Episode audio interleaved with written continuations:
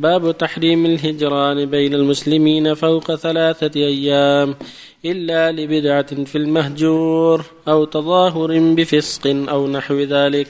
قال الله تعالى إنما المؤمنون إخوة فأصلحوا بين أخويكم. وقال تعالى ولا تعاونوا على الإثم والعدوان.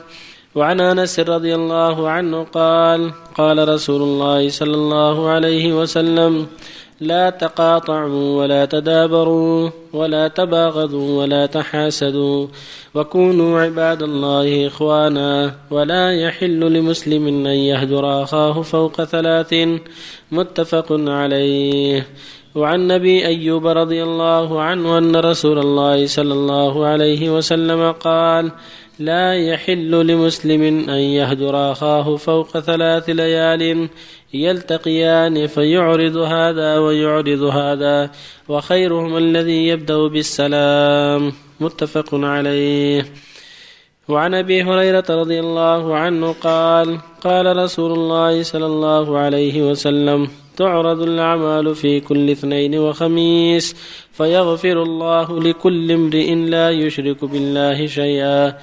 إلا امرأ كانت بينه وبين أخيه شحناء فيقول اتركوا هذين حتى يصطلحا.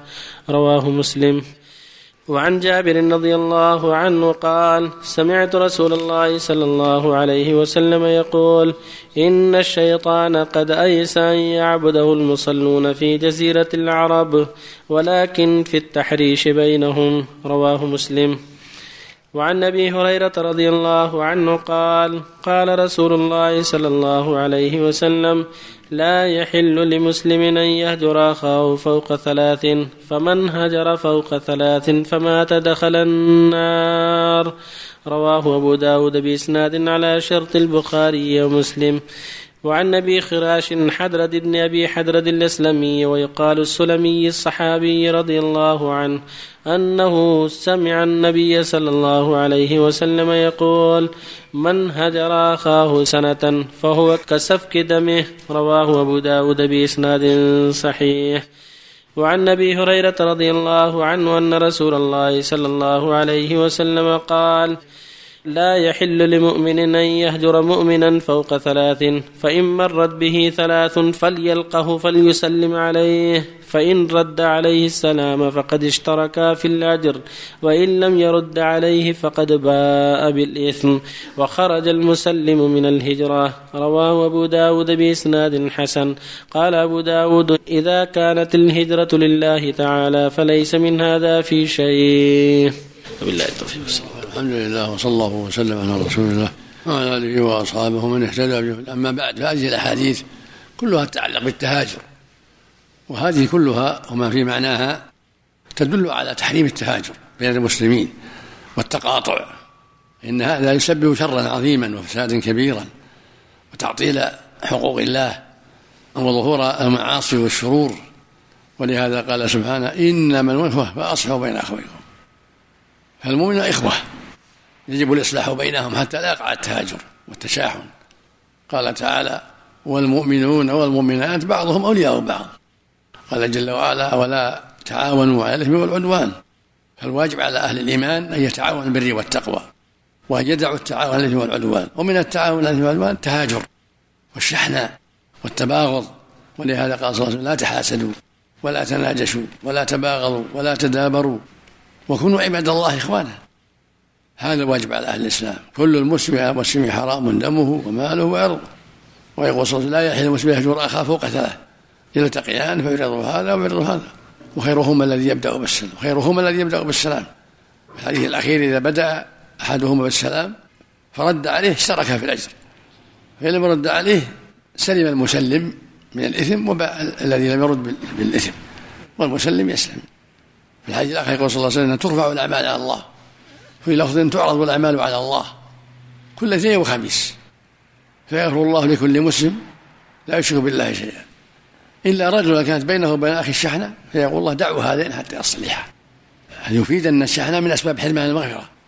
الشحنة من أسباب حرمان المغفرة. ويقول صلى الله عليه وسلم إن الشيطان قد يئس.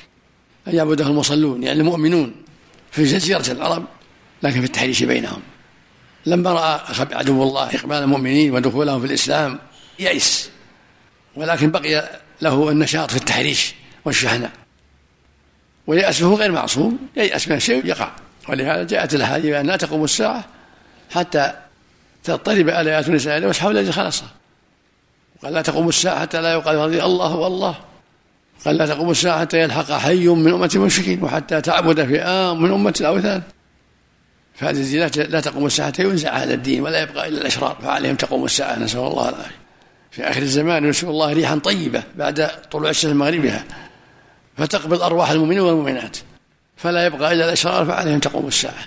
في الحديث الآخر أنه إذا هجر فوق ثلاث باء الذي الذي لا يرجع باء بالإثم إلى النار إلى النار هذا وعيد شديد يدل على كبيرة من الكبائر. وإذا هجره سنة كان كسفك دمه هو يدل على عظم المصيبة وعظم الإثم.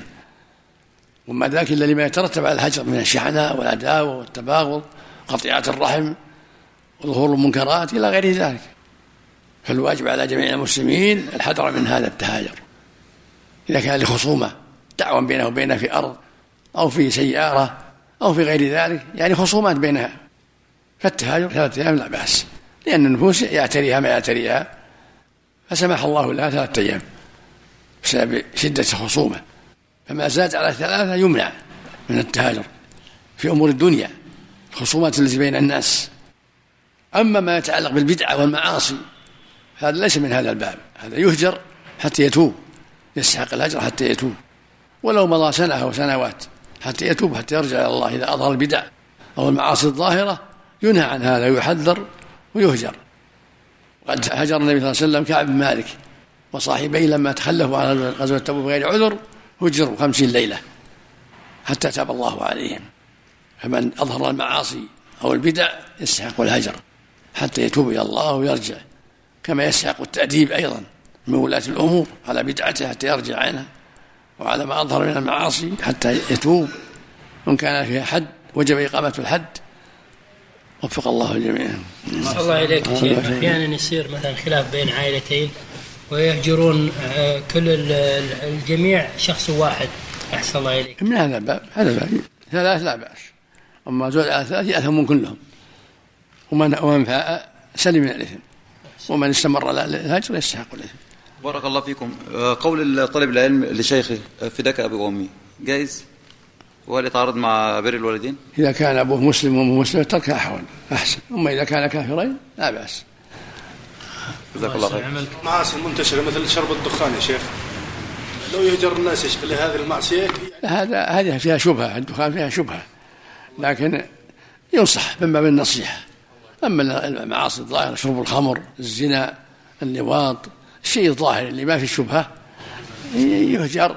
وإذا رأى مصلحة في عدم الهجر وأنه يتابع النصيحة لا بأس. بارك الله فيك ينظر. النبي صلى الله عليه وسلم هجر أقواما ولم يهجر أقواما. فإذا رأت رأى ولي الأمر أو طالب العلم أو المؤمن أن الهجر يزيد الشر لا يهجر يستمر في النصيحة.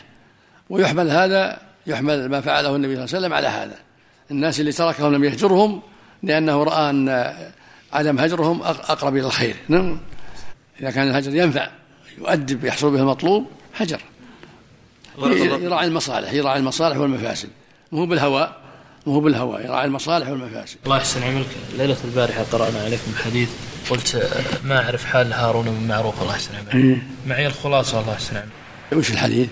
الله يحسن عملك. قوله روى الإمام أحمد رحمه الله تعالى في المسند قال حدثنا هارون بن معروف قال حدثنا ابن وهب قال حدثني عمرو يعني بن الحارث عن عمرو بن شعيب عن أبيه عن جده عن النبي صلى الله عليه وسلم أنه قال من ترك الصلاة سكرا مرة واحدة فكأنما كانت له الدنيا وما عليها الله أحسن الله العافية.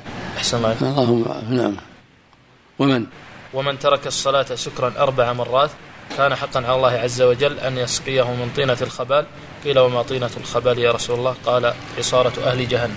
نسأل الله العافية. لا سند يوم سلمع من هارون بارك الله فيكم. آه، بالنسبة لرجل أنهى العمرة وحلل لنفسه قصر لنفسه. ما يخالف. ما يخالف. ما يقصر لا بأس. الهجران الذي يصلي صلاة ويتركها يستحق الهجر إذا كافر. ترك الصلاة كفر عدو.